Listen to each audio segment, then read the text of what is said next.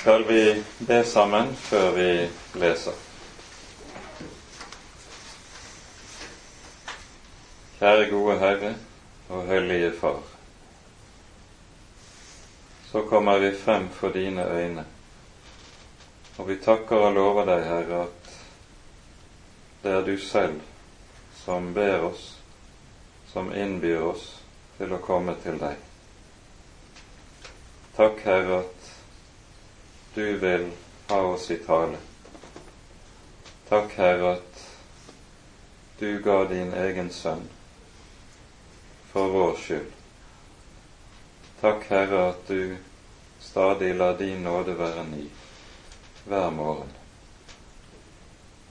Derfor ber vi deg også, Herre, kom du, send din Hellige Ånd, og la troen få leve i våre hjerter, i våre liv. Frels oss, Herre, fra alt det i, i våre hjerter som tar anstøt. At vi må få lov til å alltid å stå for dine øyne i sannheten.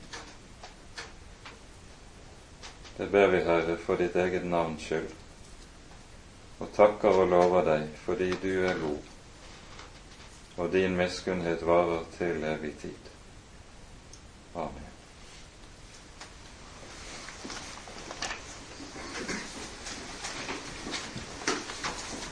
Sist gang så tok vi for oss den, den første halvdelen av det fjerde kapittelet her i Romerbrevet.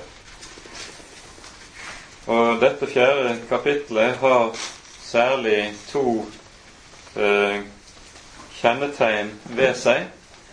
Det ene er at vi i dette kapitlet hører apostelen gi skriftbevis og skriftgrunnlaget for sin forkynnelse om rettferdiggjørelsen av tro. Den som er undervist om og gitt oss i andre halvdel av det tredje kapitlet. Og Dernest, mens det er slik at hele avsnittet fra vers 20 av i kapittel 3 og ut til femte kapittelet dreier seg om rettferdiggjørelsen av tro, så kan vi godt si det slik at den siste halvdelen av kapittel 3 det legger vekten på ordet rettferdiggjørelse, hva det betyr, mens kapittel fire det legger vekten på tro, og hva troen hva det innebærer, hva troen egentlig dreier seg om og er. Det er det vi også nå leser om i fortsettelsen fra vers 13 av her i kapittel 4, som vi nå leser, og vi leser ut kapittelet i sammenheng. For ikke ved loven fikk Abraham eller hans ett det løftet at han skulle være arving til verden, men ved troens rettferdighet. For dersom de som holder seg til loven, er arvinger, da er troen blitt unyttig og løftet blitt til intet. For loven virker vrede, men der det ingen lov er, er det heller ikke noen overtredelse. Derfor fikk han løftet ved troen, for at det kunne være som en nåde, så løftet kunne stå fast for hele ætten, ikke bare for dem som har loven, men også for dem som har Abrahams tro han som er far til oss alle, som skrevet er, til mange folks far har jeg satt deg, for Guds åsyn hvem han trodde, han som gjør de døde levende, og nevner det som ikke er til, som om det var til. Mot håp trodde han med håp for at han skulle bli mange folks far etter det som var sagt. så skal din ett bli. Og uten å bli svak i troen så han på sitt eget legeme, som var utlevd. Han var nesten hundre år gammel, og på Saras utdødde mors liv. På Guds løfte tvilte han ikke i vantro, men ble sterk i sin tro i det han ga Gud æren.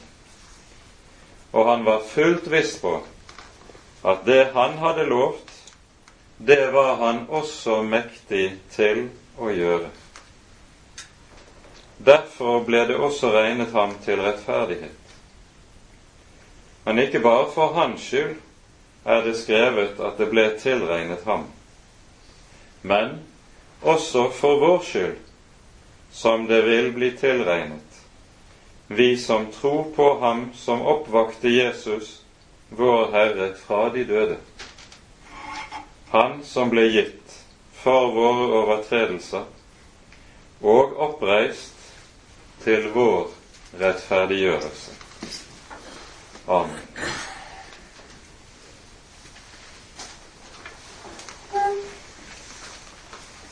Det vi nå hører, det innledes altså, som vi hører i vers 13, med et for.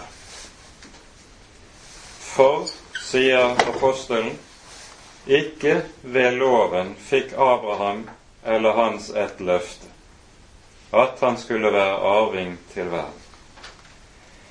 Det er altså en begrunnelse for det vi hører i det foregående, der det taler om at Abraham er far både til de omskårne og de uomskårne, nemlig så sant de har den samme tro som Abraham hadde.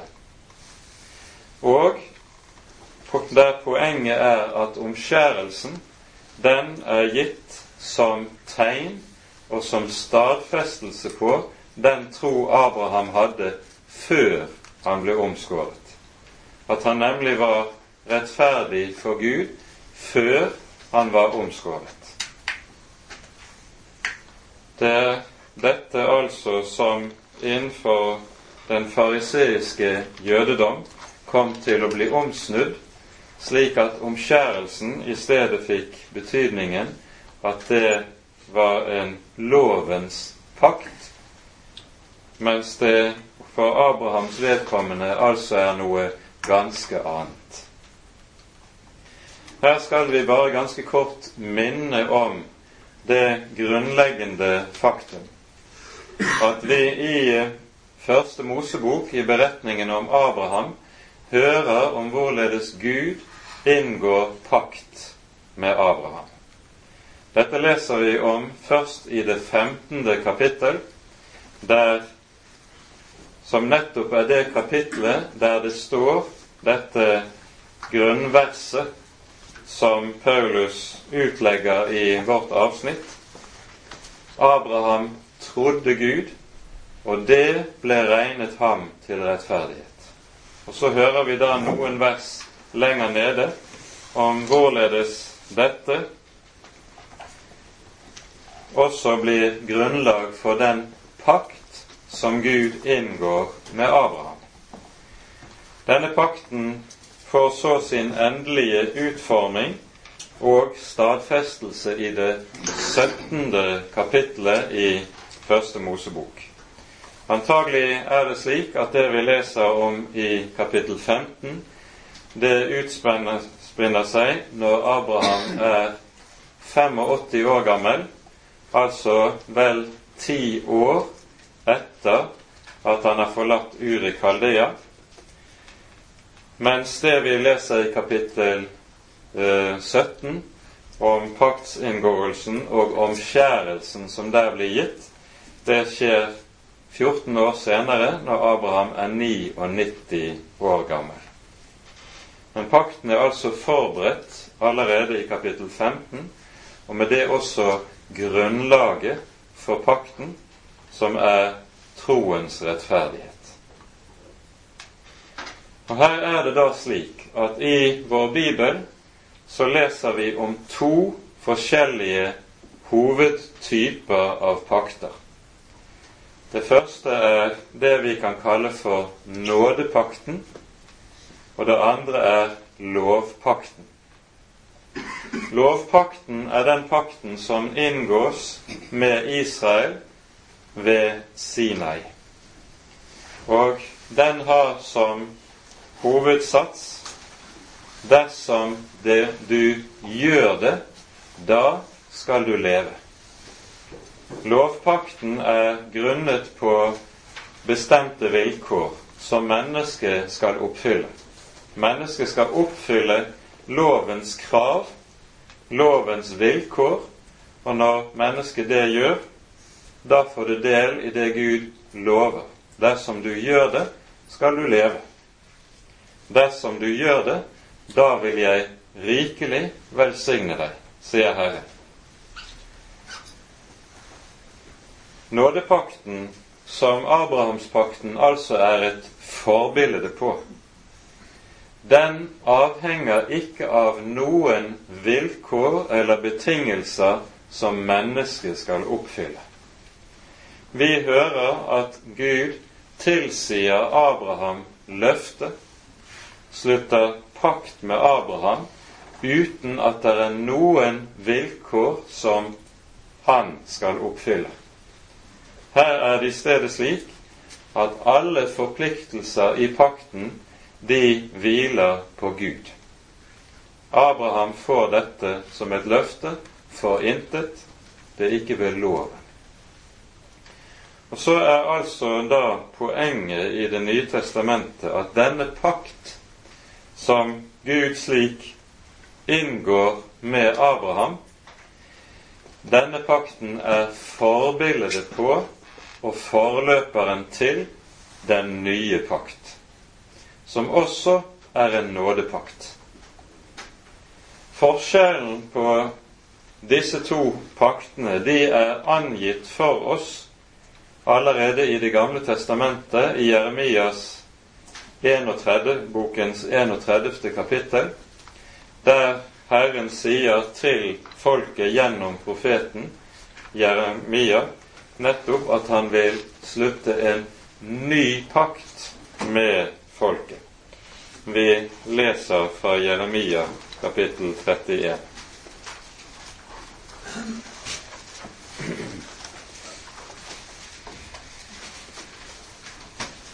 Er fra, også fra vers 31. Kapittel 31, vers 31. Se, dager kommer, sier Herren, da jeg vil opprette en ny pakt med Israels hus og med Judas hus. Ikke som den pakt jeg opprettet med deres fedre på den dag da jeg tok dem ved hånden for å føre dem ut av Egyptens land. Den pakt med meg som de brøt, enda jeg var deres ekte herre, sier Herren. Men dette er den pakt jeg vil opprette med Israels hus etter de dager, sier Herren jeg vil gi min lov i deres sinn og skrive den i deres hjerter. Og jeg vil være deres Gud, og de skal være mitt folk. Og de skal ikke mer lære hver sin neste og hver sin bror å si, Kjenn Herren. For de skal alle kjenne meg, både små og store, sier Herren. For jeg vil forlate deres misgjerning, og ikke mer komme deres synd i hu. Vi hører her altså om det som er forskjellen på den gamle og den nye pakt.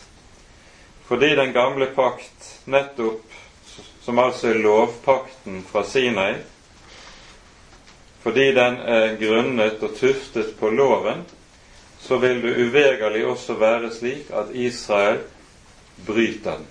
For loven er umulig å overholde.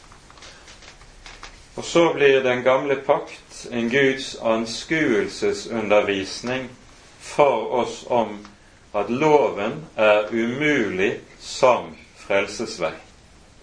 Og der Gud bruker sitt folk Israel som anskuelsesfolket for å lære oss hva hemmeligheten i frelsen er. Vi trenger en annen grunn, en annen grunnvoll å leve på enn loven og lovens pakt. Og så pekes det altså tilbake til pakten med Abraham, som er forbildet på den nye pakt. Det er en nådepakt. Vi kan her også minne om det Paulus skriver i Galaterbrevets tredje kapittel om akkurat denne saken. For her tar spørsmålet opp om lovpakten fra Sinai kan gjøre nådepakten med Abraham til intet, slik at lovpakten likesom avløser og tilintetgjør pakten med Abraham. Dette benekter Paulus, og så skriver han slik i Galatane 3 fra vers 17. Dette er da min mening. En pakt som forut er stadfestet av Gud, gjør ikke loven som er gitt 430 år efter, ugyldig. Så den skulle gjøre løftet til intet. For får en arven ved lov, da får en den ikke lenger ved løftet. Men Gud har gitt Abraham den ved løftet. Hva skulle da loven til? Den ble lagt til for overtredelsenes skyld, inntil den ett kom som løftet gjaldt. Så har vi altså ser vi altså her hvordan Paulus behandler dette. Fordi pakten med Abraham er gitt forut for lovpakten, så er den å anse som langt mer grunnleggende enn lovpakten også. Det er den som utgjør det egentlige grunnlag som et menneske kan leve på og bli frelst ved. Dette er altså tankegangen i det vi leser her hos Paulus. Nå skal vi også merke oss et par andre ting i det som vi hører her i vers 13. For det første står det om at Abraham får løfte om at han skal være arving til verden. Hvor står et slikt løfte i Første Mosebok? Jo, her er poenget det at Abraham jo får løfte om landet, Kanaans land. Det leser vi om flere steder i Første Mosebok.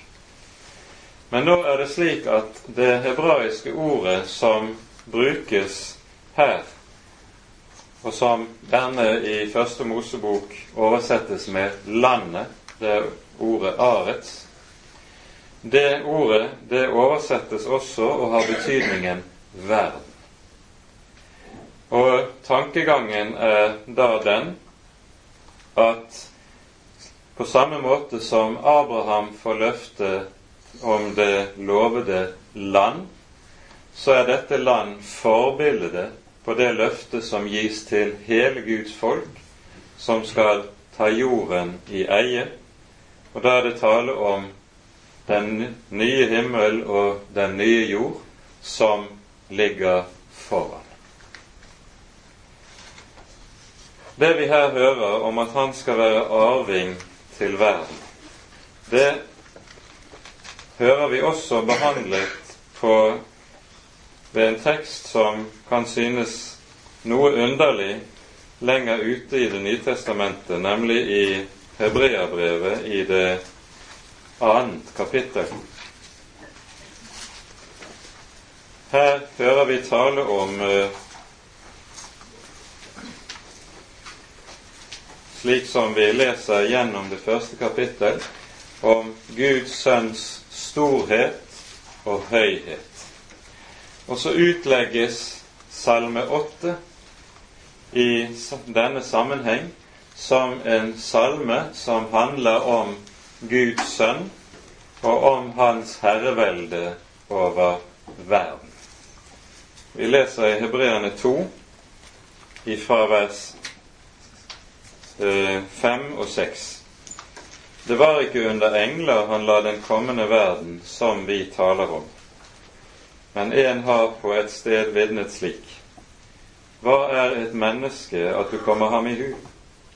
Eller et menneskes sønn at du akter på ham? Du gjorde ham lite ringere enn englene. Med herlighet og ære kronet du ham og satte ham over dine henders gjerning. Alle ting la du under hans føtter. Slik er det jo vi leser i Salme 8 salme der det står på denne måten var når jeg ser din himmel, månen og stjernene som du har gjort, hva er da et menneske at du kommer ham i hu? Og så hører vi om hvordan Gud har gitt mennesket en særstilling i skaperverket som konge over skaperverket. Det er jo dette som lyder i forbindelse med skapelsesberetningen. Der hører vi i Første Mosebok 1 at når Gud skaper mennesket i sitt bilde, så setter han dem til å råde over all jorden. Fuglene under himmelen, fiskene i havet og dyrene på marken. Alt legges under menneskets føtter.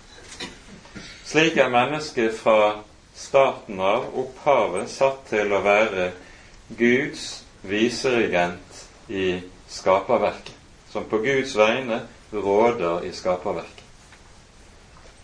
Men så skjer altså dette som vi leser i syndefallet. Og dette fall fører også med seg at menneskets herredømme over det skapte rammes dypt. Slik at sånn som Bibelen nå tenker om det, så er det bare én person som i ordets egentlige forstand oppfyller det som mennesket er skapt til når det gjelder herredømme over skaperverket. Det er Jesu Kristi person. Det er tankegangen her i Hebreabrevet. Han er den som er det sanne mennesket. Han er den som representerer det mennesket er skapt til fra begynnelsen av, og som slik råder over alt det skapte. Når det nå sies, sånn som vi leser i Romane 4 og en rekke andre steder i Det nye testamentet, at Guds folk er arvinger, så innebærer det vi er Kristi medarvinger. Jesus er satt til arving over hele skaperverket, og slik blir han, fordi han er det sanne mennesket, oppfyllelsen av det som mennesket var ment til fra begynnelsen av. Han råder over all jorden, over skaperverket. Og så er det i og med at Guds folk er Kristi medarvinger, så får de del i det samme. Det er denne tanke som ligger bak det vi nå hører her i Romane 4.13. Han fikk det løftet at han skulle være arving til verden ved troens rettferdighet. Med dette forstår vi at det er en dyp, dyp sammenheng i Skriften mellom skapelsen og frelsen. I det det altså er slik at frelsen, Kristi frelsesverk, det innebærer også en gjenopprettelse av hele skaperverket, og det blir en gjenreisning av det mennesket var tenkt til å være i skaperverket. Og det er det som er noe av tankegangen i det vi hører om den nye himmel og den nye jord, hvor rettferdighet bor, senere hen i Det nye testamentet. De skulle være arvinger til verden. Det er løftet. Så fortsetter apostelen nå med å skrive. For dersom de som holder seg til loven, er arvinger, da er troen blitt unyttig og løftet blitt til intet. for loven virker vrede.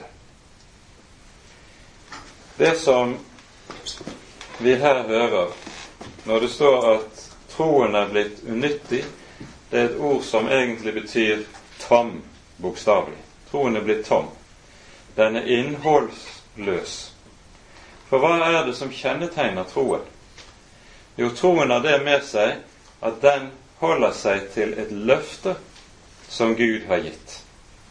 Akkurat som Abrahams tro, det var det at han stolte på det løftet som Herren hadde gitt ham. Og Da er det spørsmål om løftet som er gitt, er reelt, om han som har gitt løftet, er en som holder ord, eller om løftet er et tomt løfte. Vi vet hvordan det er når løfter blir gitt av folk som lyver. Da er det tomt. På samme måte er troen da tom dersom en holder seg til loven. For lovens løfte, det betingede løftet som sier at dersom du gjør det, skal du leve, det har jo det med seg at vi nettopp er ute av stand til å gjøre hva loven krever og dermed blir det tomt. Og så er løftet blitt til intet. Det kan ingenting gi. For loven virker vrede. Og Her dukker dette ordet opp igjen, som vi møter flere steder i Romerbrevet. Allerede i kapittel 1 i vers 18. Guds vrede åpenbares fra himmelen over all ugudelighet og urettferdighet hos mennesker som holder sannheten nede i urettferdighet. Loven virker vrede. Det det taler om her, er Guds vrede, ikke menneskers vrede. Riktignok er det slik at der mennesket er under loven, så kan det også virke i høy grad vrede motvilje, opposisjon, opprør hos mennesker fra menneskets side overfor Gud. Det hører vi ikke minst om i det syvende kapittelet i Romerbrevet. Men det er ikke det som er tankegangen her. Her er det tag, pekes det på Guds vrede. Og loven, den vil alltid åpenbare og avsløre Guds vrede. Den som Dersom du ikke gjør det, skal du være forbannet, sier Skriften. Et ord som i Mosebøkene som dukker opp på ny og på ny. Og forbannelsen den er nettopp uttrykk for vreden, slik vi leser det i Guds ord. Her er det jo vi hører en side ved Bibelens tale om Gud som i liten grad lyder i våre dager, men som likevel er avgjørende nødvendig at den står der. For talen om Guds vrede, Guds dam over synden, den utgjør bakteppet for Bibelens forkynnelse av nåden i Kristus, og at nåden er menneskets eneste håp. Det er ingen annen utvei. For loven virker vrede. Men der det ikke er noen lov, er det heller ingen overtredelse. Dette uttrykket, det er jo sikter til dette at når et menneske lever i nåden i Kristus, da er mennesket også fri fra loven. Denne friheten fra loven den er noe som apostelen behandler i en rekke sammenhenger. Vi hører om det ikke minst i Galaterbrevet i det tredje og det fjerde kapittelet. Og det er angitt for oss allerede i vers 21 i det tredje kapittel, der det står sånn Nå er Guds rettferdighet, som loven og profetene vitner om, åpenbaret uten lov. Poenget er da at et menneske er enten under loven eller under evangeliet. Enten er mennesket hos Moses, eller det er hos Kristus. Og dette er et enten-eller. Det kan aldri være et både-og. Det ene vil alltid utelukke det andre. Der en kristen lever hos Herren Jesus, og loven så får innpass i livet, slik at han kommer inn under loven, da taper han også evangeliet. Slik Paulus skriver i Galaterbrevet, dere er falt ut av nåden, dere som vil rettferdiggjøres ved loven. Så skapt er det formulert. Her er det et enten-eller.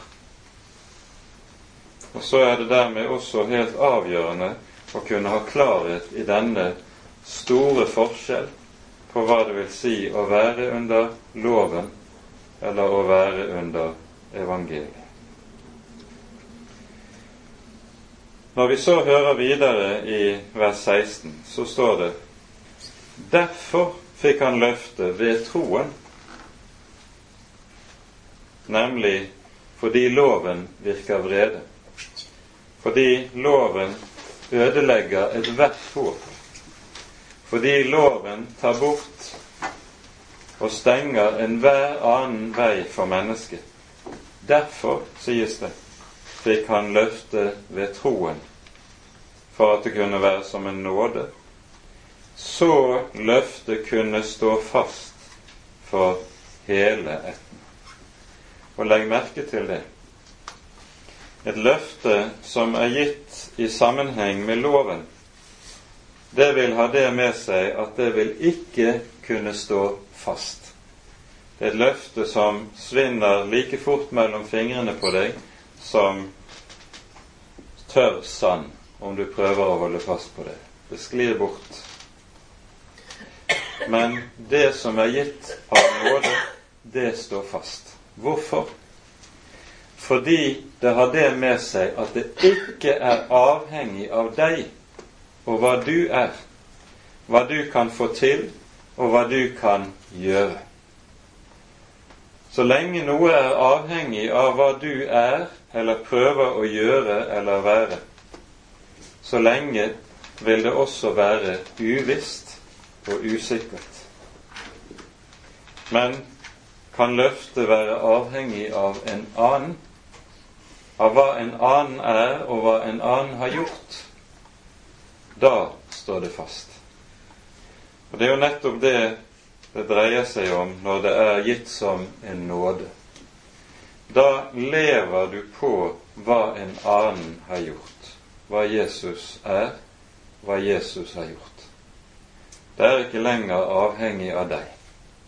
Det er ikke lenger avhengig av din kristendom.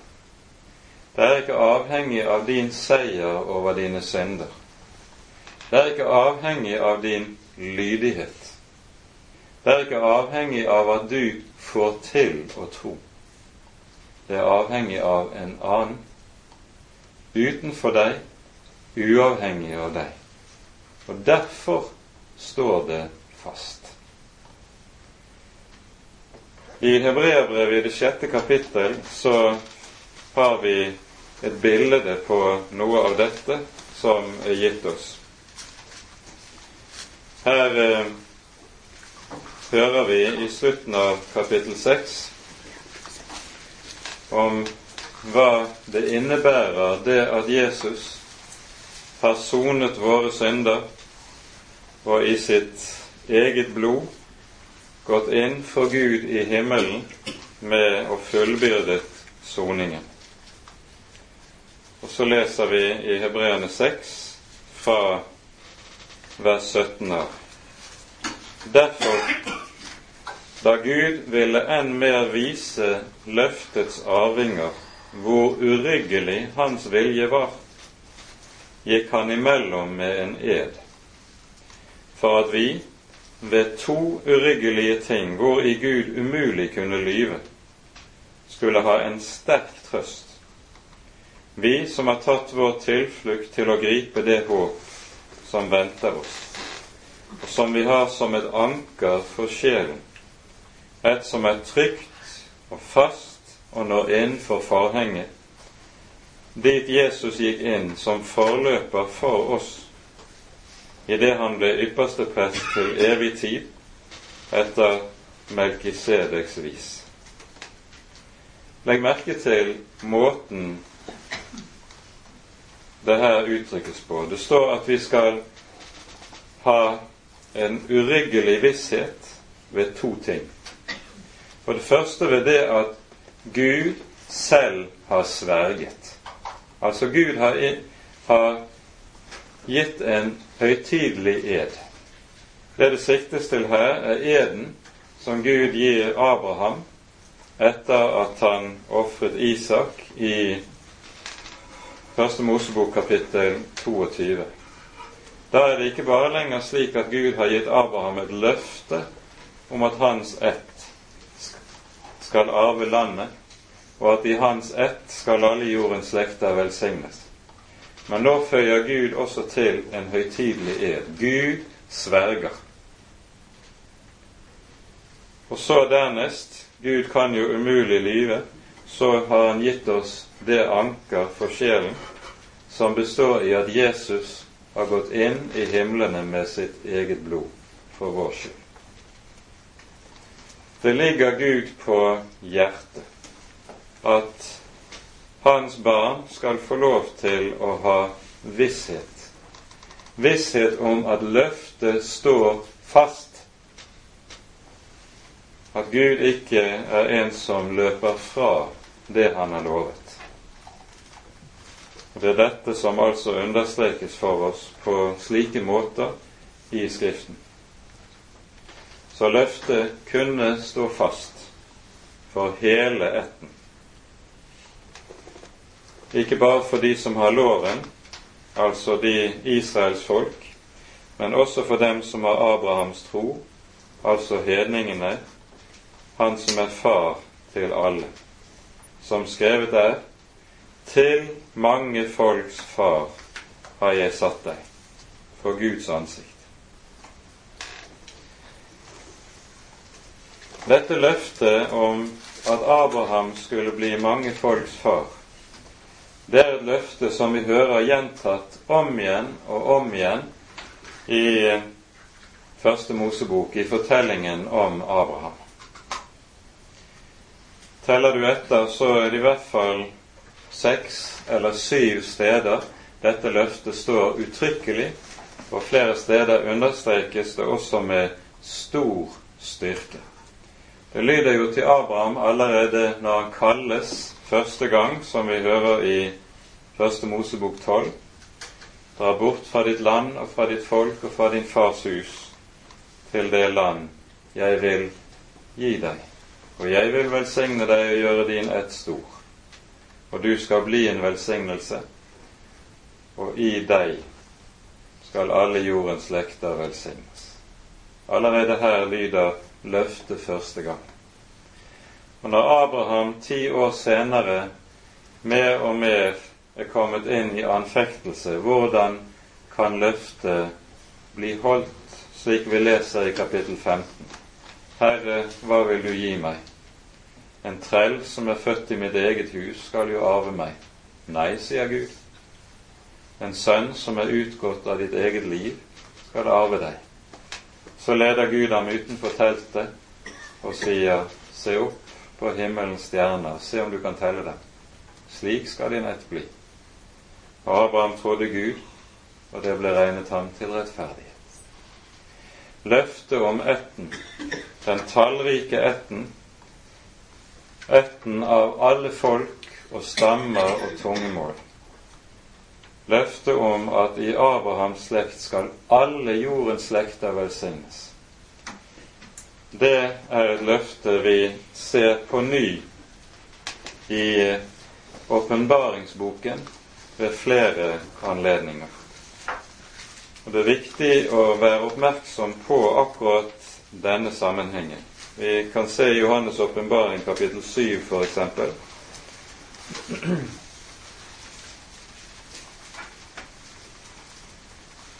Der vi får et glimt inn i fullendelsen i himmelen. Der står det slik i vers 9.: Deretter så jeg og se en stor skare som ingen kunne telle, av alle etter og stammer og folk og tungemål, som sto for tronen og for lammet, kledd i lange, hvite kjortler og med palmegrener i sine hender. Her er poenget med måten dette sies på. Alle etter stammer, folk og tungemål, at det viser tilbake til løftet som var gitt til Abraham. Og understreker med det at nå er løftet oppfylt. Nå er løftet oppfylt. Og så hører vi jo spørsmålet litt lenger nede her i Åpenbaringen 7. Disse som er kledd i de lange, hvite kjortler, hvem er de? Og Johannes kan ikke svare på de. Og så får han høre det er de som har tvettet sine kjortler og gjort dem hvite i lammets blod. Løftet er oppfylt. I Abrahams ett er alle jordens slekter velsignet. Velsignelsen kom på det viset. Så det er alt dette som ligger i Abrahams historien på denne måten, som her Paulus har med og gir uttrykk for i dette kapittel fire i meget kort og konsentrert form. Her i det 17. verset i Romane 4 så sies det også noe annet som er underlig. For Guds åsyn hvem han trodde, så står det 'Han som gjør de døde levende', og nevner det som ikke er til, som om det var til. Hvorfor sies akkurat dette om Gud her? For det første er det da slik at når det står 'Han som gjør de døde levende', så ser vi at lenger nede i avsnittet så er det tale om det å være død i to ulike sammenhenger. Først i vers 19. Det er tale om Saras utdødde mors liv, der poenget altså er at når Isak kommer til verden når Abraham er 100 år gammel og Sara 90 år gammel, så er dette slik at Gud med dette skaper liv av døde hos den gamle Sara. Dernest hører vi i vers 25 om vers 24 og 25 om Jesu oppstandelse fra de døde. Det som kjennetegner Gud som Gud, og som ingen kan gjøre ham etter, det er nettopp dette at han er den som skaper liv av døde. Det kan ingen gjøre ham etter, hvor meget de enn ville. Dette er Gud alene som er i stand til å gjøre. Når vi nå hører det understrekes her dette som har med Saras utdøde mors liv, og at Abraham var utlevd, som det står i vers 19, så er jo hele poenget her at Abraham, når Isak fødes, er både han og Sara er for gamle til å få barn. Kroppens forfall oppimot alderdommen har gått dit hen at det er fysisk umulig å få barn. Og så venter Gud med å gi Abraham sønnen Isak nettopp til det menneskelig sett er umulig. Hvorfor? Jo, for i dette så gir Gud den anskuelsesundervisning at på samme måte er det med alle som skal få ha del i Abrahams velsignelse. Hos deg er det på nøyaktig samme vis. Du har ikke forutsetning for åndelig liv for å bli en kristen hos deg selv. Du kan si til et lik som ligger på båre, løft hånden, åpne øynene. og du vet det er umulig. Det vil ikke kunne gjøre noe av det du sier til det, fordi det er dødt. På samme måte mangler du og jeg enhver forutsetning for åndelig liv hos oss selv.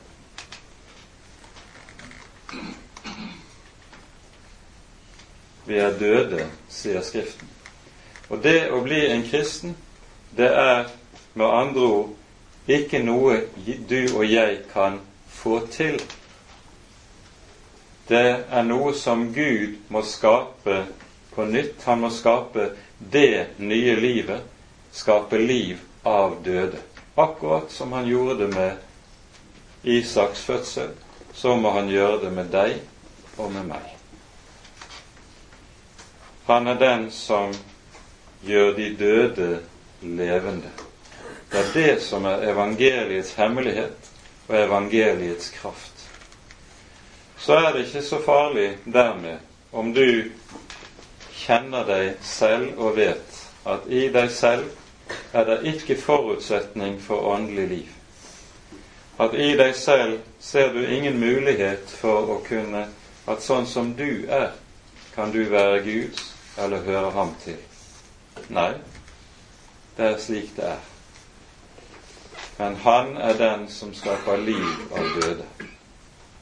Det er det som er hans gjerning. Og slik er det det altså er å bli en kristen under evangeliet.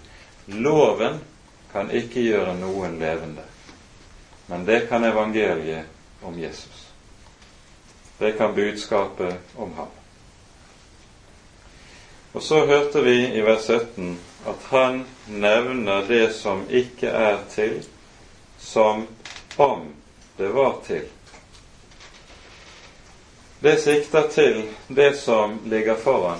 For allerede når vi hører Gud tale til Abraham om det som ligger foran, nemlig at han skal bli stamfar til en mengde folkeslag, og at i hans ett skal velsignelsen for folkeslagene fullbyrdes, så tales det om dette som om det allerede var en virkelighet.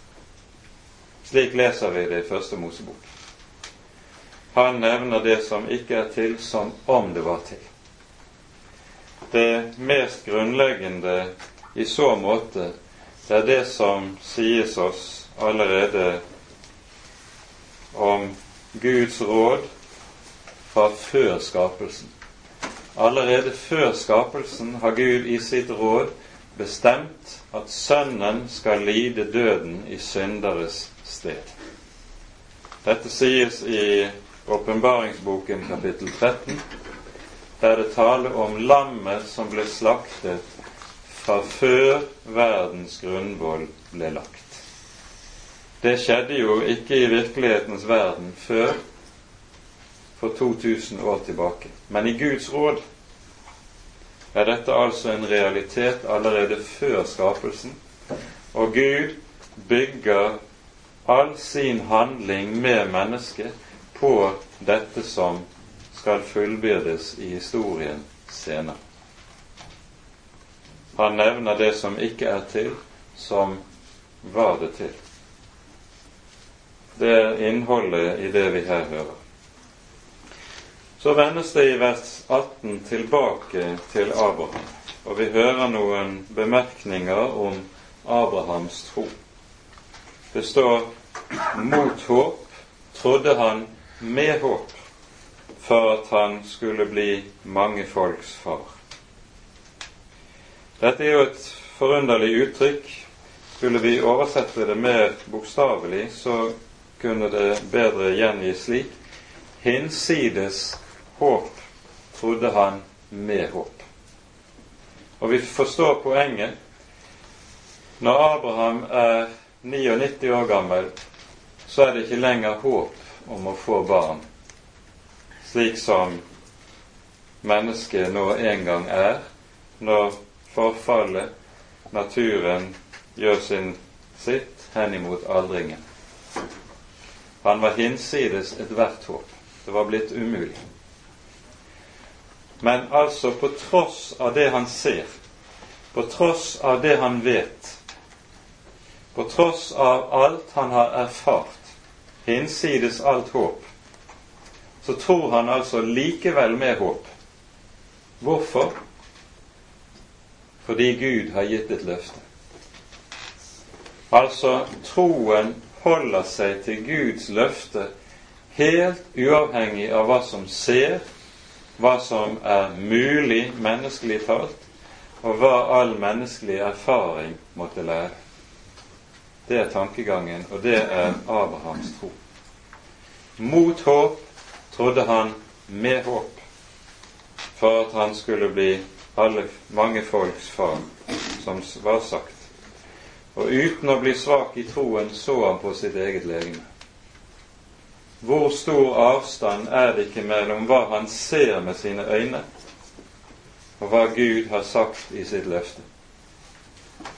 Og så er troens øvelse nettopp dette i å holde fast på hva Herren har sagt og lovet, trass i hva jeg ser. Da er det å tro ingen lettvint ting. Da er det ingen selvsagt ting. Da er det å tro noe som ledsages av at det er tilkjempet. En slik tro er virket og gitt av Gud, men den er ikke uten anfektelse. Vi leser i vers 20.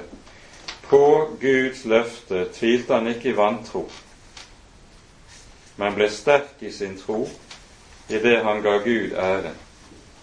Legg merke til hvor nøyaktig Bibelen her uttrykker seg. Det står ikke på Guds løfte tvilte han ikke, men det står tvilte han ikke i vantro. Hva er vantro? Vantro er ikke det at man ikke får til å tro. Men vantro er det at en ikke vil tro det er noe ganske annet. I Johannes 3, det siste verset der, er det satt ord på dette ganske nøyaktig. Den som tror på Sønnen, har evig liv. Den som ikke vil tro, over ham blir Guds vrede. Og nettopp det er det vantro er, etter Guds ord. Vantro er det at en ikke vil tro. Abraham tvilte nok, og det ser vi sannelig i Første Mosebok, at han både kunne tvile og være anfektet.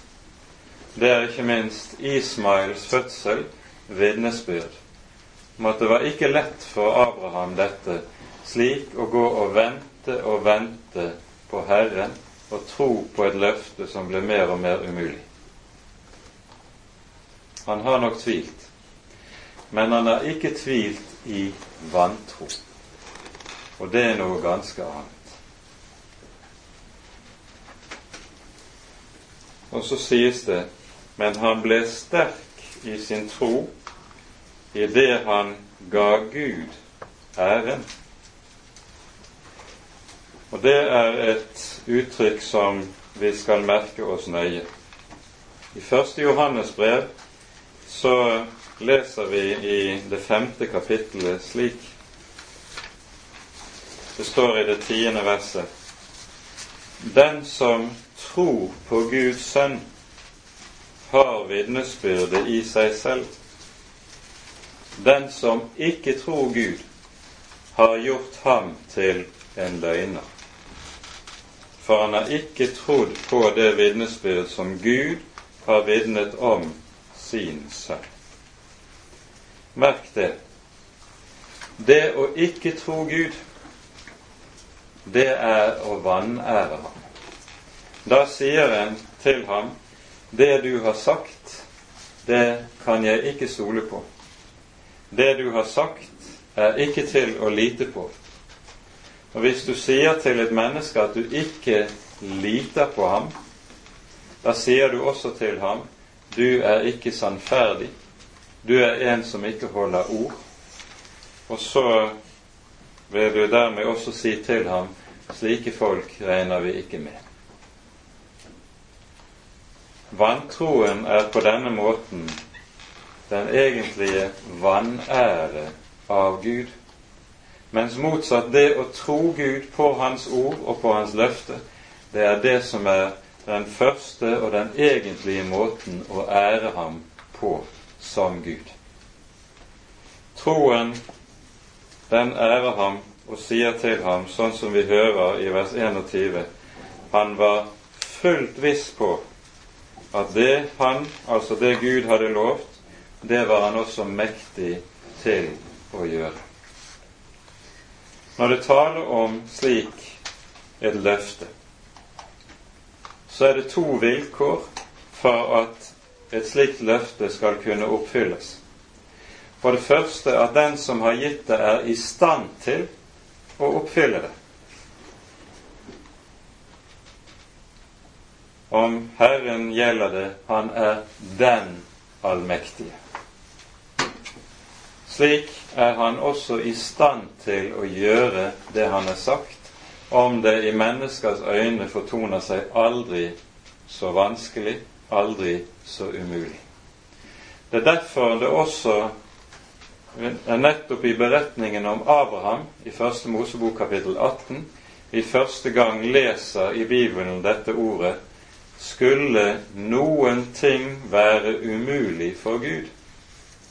Dette gjentas jo i forbindelse med Gabriels løfte til Maria om fødselen, om Jesu fødsel. Skulle noe være umulig for Gud? Han er den allmektige. Intet er for vanskelig for ham. Det er det første som ligger i dette, at Abraham var fullt viss på at det han hadde lovt, det er han også mektig til å gjøre. Dernest for at en slik visshet skal stå der, så må en også vite at Han som har gitt løftet, er sannferdig. Han er en som holder ord.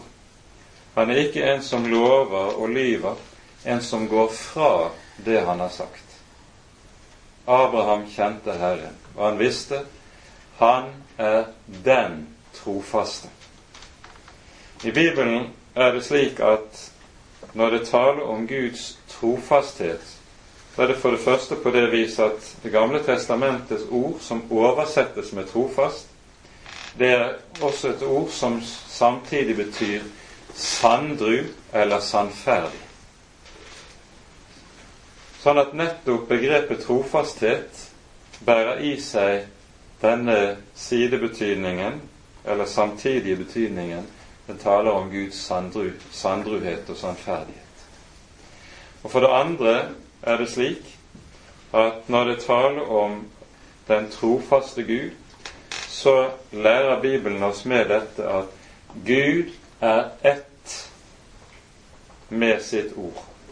Han er ett med det han har sagt. Det er ikke slik at det er en avstand mellom hva han sier og hva han er. Tvert om, i Gud er det slik at det er en enhet mellom hva han sier og hva han er. Han er ett med sitt ord. Og det er nettopp slik Abraham kjenner Gud. Gud kaller Abraham sin venn fordi Abraham kjenner ham. Og Abraham liter nettopp på ham som dette. Han var fullt viss på at det han hadde lovt, det var han også mektig til å gjøre. Derfor ble det regnet ham til rettferdighet. Og så slutter nå kapittelet med at dette som her berettes om Abraham, det er ikke skrevet bare for Abrahams skyld, altså som en interessant historie om noe som skjedde en gang for 4000 år tilbake, men det er skrevet for vår skyld. For slik Abraham trodde, slik er det med troen for alle som tror på Jesus, og som hører ham til. Også for dem er Gud den samme som er mektig til å gjøre det han har sagt. Også for dem er det slik at løftet, det er et levendegjørende løfte som skaper liv av døde for alle som tar det til hjertet. Løftet har samme virkning for oss som for Abraham, for Gud er én. For Gud er én.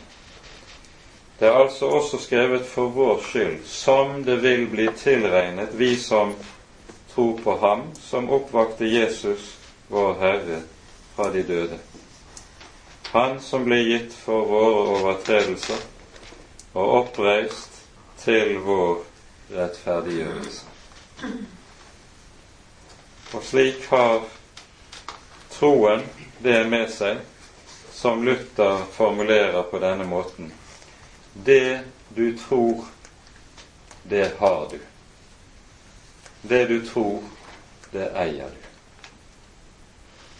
Og Det er den enkle grunnloven i det som vi her har vært inne på, og som troen altså griper om. Det du tror, du. Amen. Ære være Faderen og Sønnen og Den hellige ånd, som var og er og være skal en sann Gud, høylovet i evighet. Amen.